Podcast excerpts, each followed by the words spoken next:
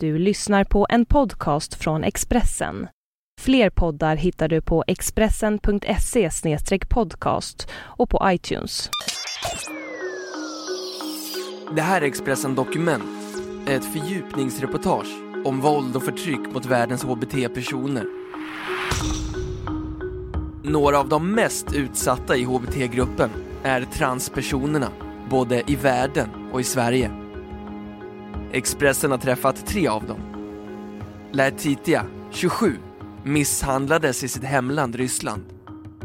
Alexa, 31, tvångssteriliserades av svenska staten vid sitt könsbyte och togs ifrån chansen till att få biologiska barn. Love, 22, väntade i år för att få erkännas som man utan att tvingas sterilisera sig.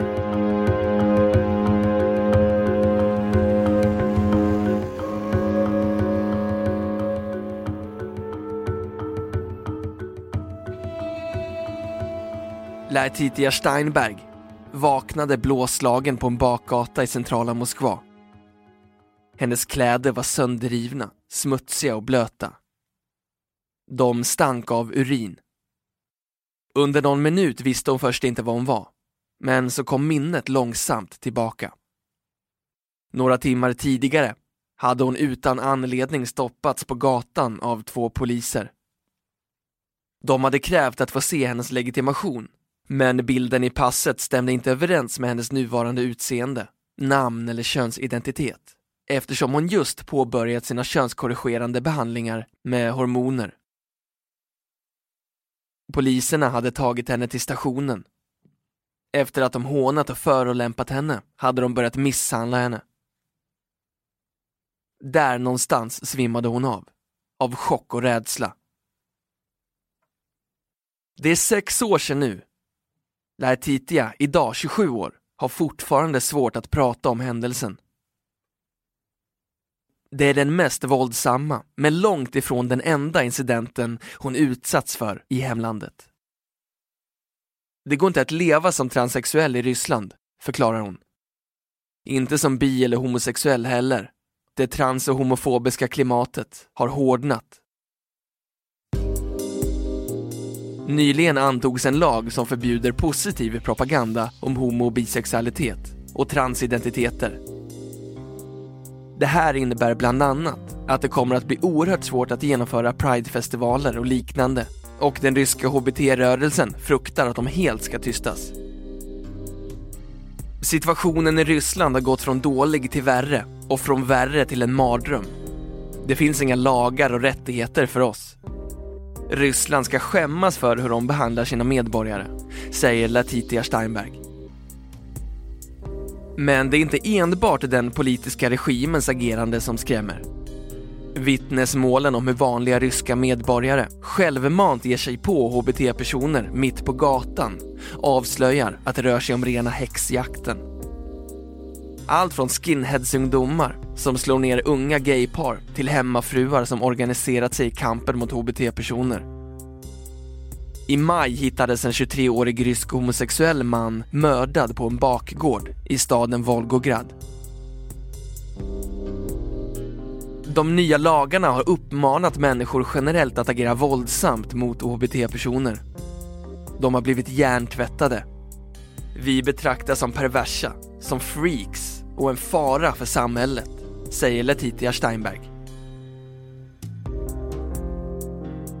När hon påbörjade sina könskorrigerande behandlingar fick hon sparken från sitt statliga arbete på ryska skatteverket. I tre år har hon nu bott i Sverige. Hon har fått avslag två gånger på sin ansökan om asyl, men väntar nu på ett nytt besked efter överklagan. I Ryssland vägras jag tillgång till de hormoner jag behöver ta. Jag har fått avslag på ansökan om att byta juridiskt kön och operationen gjorde jag i Thailand. Och nu när jag är öppet HBT-aktivist kan jag inte återvända utan att bli gripen, säger hon. Det är inte bara i Ryssland som situationen förvärrats. I flera delar av världen förföljs HBT-personer och utsätts för hot. Under Pride-paraden i Litauens huvudstad Vilnius i lördags gick motdemonstranter nynazister och religiösa fundamentalister till attack. En av dem som utsattes var Sveriges EU-minister Birgitta Olsson, Folkpartiet, som var där för att gå i paraden och hålla avslutningstalet. Det kastades ägg på oss och jag fick flera ägg i huvudet och på kroppen. Det var en hatisk stämning och jag såg nynazister och religiösa fundamentalister stå och skrika hatbudskap längs paradens gång, säger hon till Expressens Fredrik Lenander. I många länder är homosexualitet förenat med dödsstraff. Enligt svensk lag har man rätt till asyl om man förföljs på grund av sin sexuella läggning eller kön. Hur många asylsökande hbt-personer som finns i Sverige och hur många som får stanna går inte att veta eftersom Migrationsverket inte för register över det.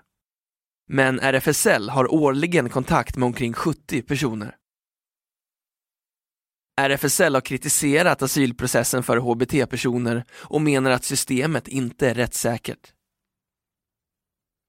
Man måste kunna garantera en lika behandling.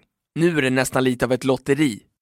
Det finns exempel med två personer från samma plats med extremt liknande historier där den ena får stanna och den andra utvisas.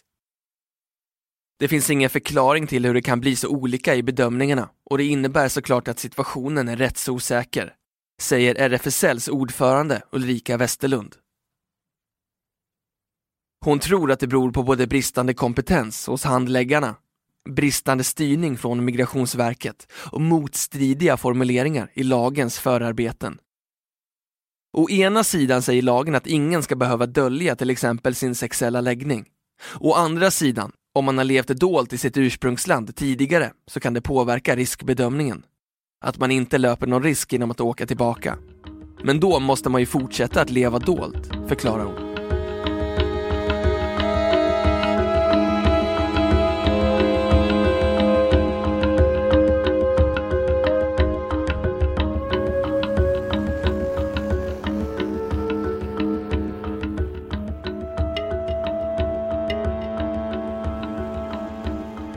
Migrationsverkets tillförordnade rättschef, Fredrik Beijer, framhåller att hbt-fallen är speciella och komplexa eftersom att det handlar om identitet och inte alltid finns konkreta berättelser kring varför personen söker asyl. Det kan handla om en person som inte har levt öppet med sin sexuella läggning, men som har ett behov av att göra det. Vi måste titta framåt lika mycket som bakåt. Om man blir förföljd av staten så kan man inte räkna med skydd i sitt hemland.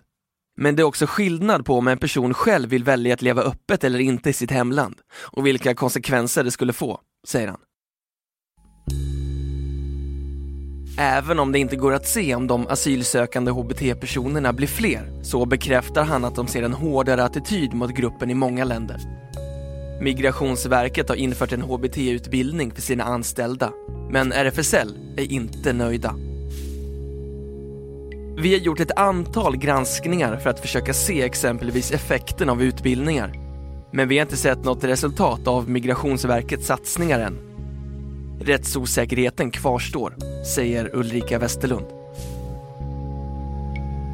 Laetitia Steinberg är asylsökande och transsexuell och tillhör därmed två av de grupper som är bland de mest utsatta inom hbt-gruppen i Europa, enligt Europarådets tidigare kommissionär för mänskliga rättigheter, svensken Thomas Hammarberg. Effekten av transfobi syns bland annat i självmordsstatistiken. Antalet självmord bland transsexuella är högre jämfört med övriga befolkningen. En studie från Ungdomsstyrelsen visar att 65% av alla unga transpersoner någon gång tänkt på att ta sitt liv och en tredjedel har försökt. Rättigheter för transpersoner släpar kraftigt efter om man jämför med rättigheter för andra inom HBT-gruppen, säger Ulrika Westerlund. Ett tydligt svenskt exempel är tvångssteriliseringarna av personer som ville byta juridiskt kön, som avskaffades så sent som i januari i år. Kravet gällde statens rätt att sterilisera den som ville byta juridiskt kön för att ändra personnummer och kunna registreras som ett annat kön och hade inget att göra med de medicinska behandlingarna. Uppskattningsvis tros det vara omkring 800 som bytt kön sedan lagen stiftades 1972, då juridiskt könsbyte blev möjligt i Sverige. För en månad sedan kom första skadeståndsanspråken från tvångssteriliserade personer när 142 personer lämnade in en ansökan hos justitiekanslern om en kompensation på 300 000 kronor och en offentlig ursäkt. En av dem är 31-åriga Alexa Lundberg. När hon var 18 år valde hon att genomföra behandlingar och byta juridiskt kön. Men innan operationen säkerställdes att Alexa aldrig någonsin skulle kunna få biologiska barn. Du får inte spara några spermier innan operationen, sa läkaren. Han sa att om du åker till Danmark och fryser ner spermier och vi får veta det får du aldrig operera dig. Och om du gör det i Sverige som man och sen opererar dig till kvinna så kommer vi att förstöra spermierna, berättar Alexa Lundberg. Hon hade inget val. För att bli kvinna var hon tvungen att bli steril. Och hon ville inget annat än att fullt ut bli kvinna. Idag har jag börjat ifrågasätta vad kön är. Men då ville jag bara bli normal, säger hon. Idag har jag sån otrolig barnlängtan. Att aldrig kunna få biologiska barn är en sorg jag fortfarande bearbetar. Om jag hade fått spara spermier hade jag nog haft barn redan, säger hon. Love Elvelin är 22 och väntade med sitt juridiska könsbyte på grund av tvångssteriliseringen. Det kändes viktigare att ha möjligheten att kunna få biologiska barn, säger han. För honom handlade det inte om en operation eftersom det inte finns några tillräckligt bra alternativ för den som vill ha ett manligt könsorgan. Det handlade om rätten att få byta ut sina fyra sista siffror i personnumret som registrerade honom som tjej istället för den kille han känt sig som hela livet. Redan innan han började skolan kallade han sig för kille och sa att han hette Peter.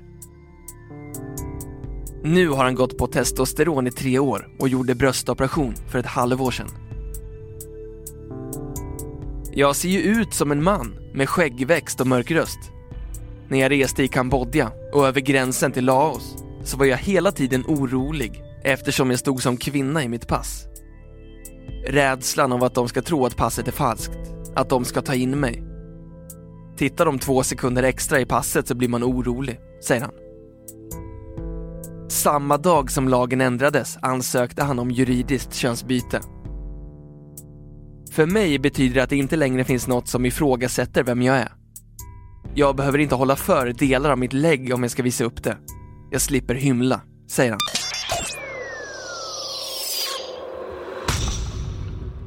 Du har hört Expressen Dokument om våld och förtryck mot världens HBT-personer av Mikaela Möller som jag, Johan Bengtsson, har läst upp.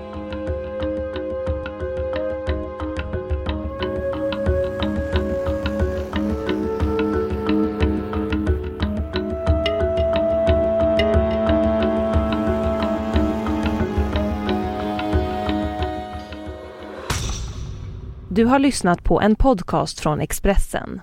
Ansvarig utgivare är Thomas Mattsson. Fler poddar finns på Expressen.se och på iTunes. Ett poddtips från Podplay. I fallen jag aldrig glömmer djupdyker Hasse Aro i arbetet bakom några av Sveriges mest uppseendeväckande brottsutredningar. Går vi in med hemlig telefonavlyssning och, och då upplever vi att vi får en total förändring av hans beteende. Vad är det som händer nu? Vem är det som läcker? Och så säger han att jag är kriminell, jag har varit kriminell i hela mitt liv men att mörda ett barn, där går min gräns. Nya säsongen av Fallen jag aldrig glömmer på Podplay.